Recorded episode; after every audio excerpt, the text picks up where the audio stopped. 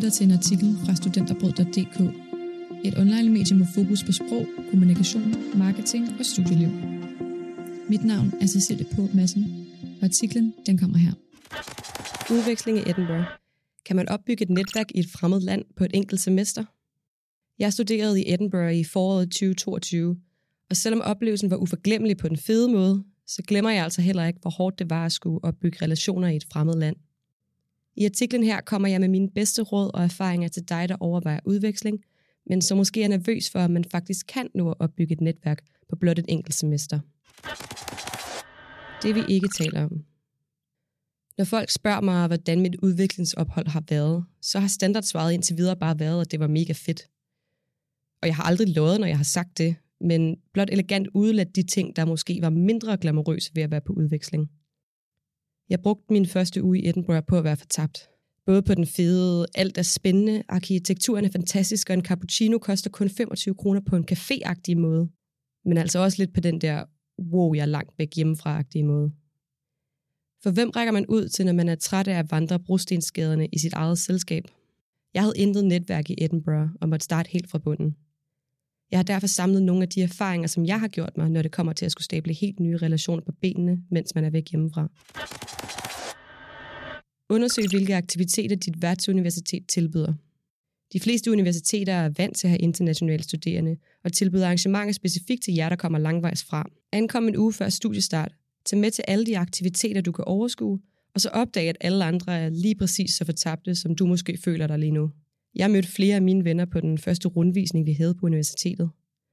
Man faldt i snak, når man gik rundt der og beundrede de enorme historiske bygninger og fik i talesat følelsen af ikke at have nogen at række ud til. Og så blev man enige om at række ud til hinanden. Når det så er sagt, så er det altså også okay, at ikke alle sociale interaktioner bliver til dybe, langvarige relationer. Jeg lærte det selv på den hårde måde, fordi jeg nok havde en lidt romantiseret forestilling om, at jeg ville møde mine sjælevenner på den anden side af kontinentet lige med det samme. Sådan fungerer virkeligheden bare sjældent. Tænk bare på, hvor mange mennesker, der krydser vores veje herhjemme, uden at vi nødvendigvis tilbringer hvert eneste øjeblik sammen med dem. Find balancen mellem at sige ja til alt, og mærk efter, hvad du faktisk har lyst til. Du har sikkert hørt det der råd om bare at sige ja til alting, når man er på udveksling.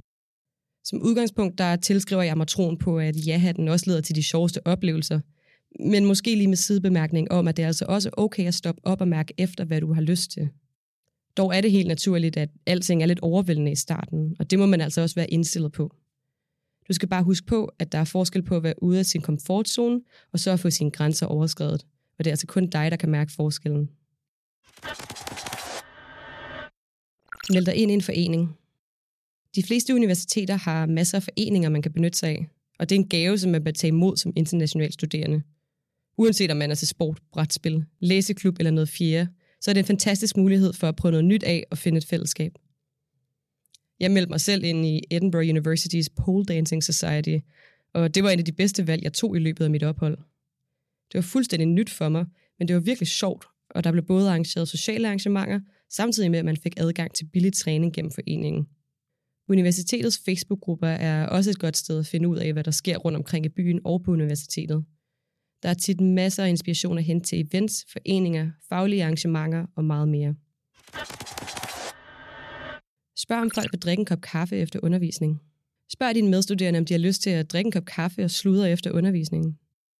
Det kan godt virke lidt grænseoverskridende de første par gange, men jeg har erfaret hurtigt, at folk faktisk satte pris på det, fordi det ellers kan være ret svært at komme sine studiekammerater ordentligt ved. I Storbritannien har man for eksempel ikke altid et fast hold, som man har undervisning med, så man bliver ikke rystet sammen på samme måde, som vi måske er lidt vant til herhjemme. Vil du have mere indhold om udveksling? Studenterbrød har masser af artikler om udveksling til dig, der overvejer om eller hvor du skal på udveksling henne. Du kan læse dem alle sammen ved at klikke på linket i tekstversionen af artiklen her. Du lyttede til en artikel fra studenterbrød.dk. Mit navn det er Cecilie på Madsen. Tak fordi du lyttede med.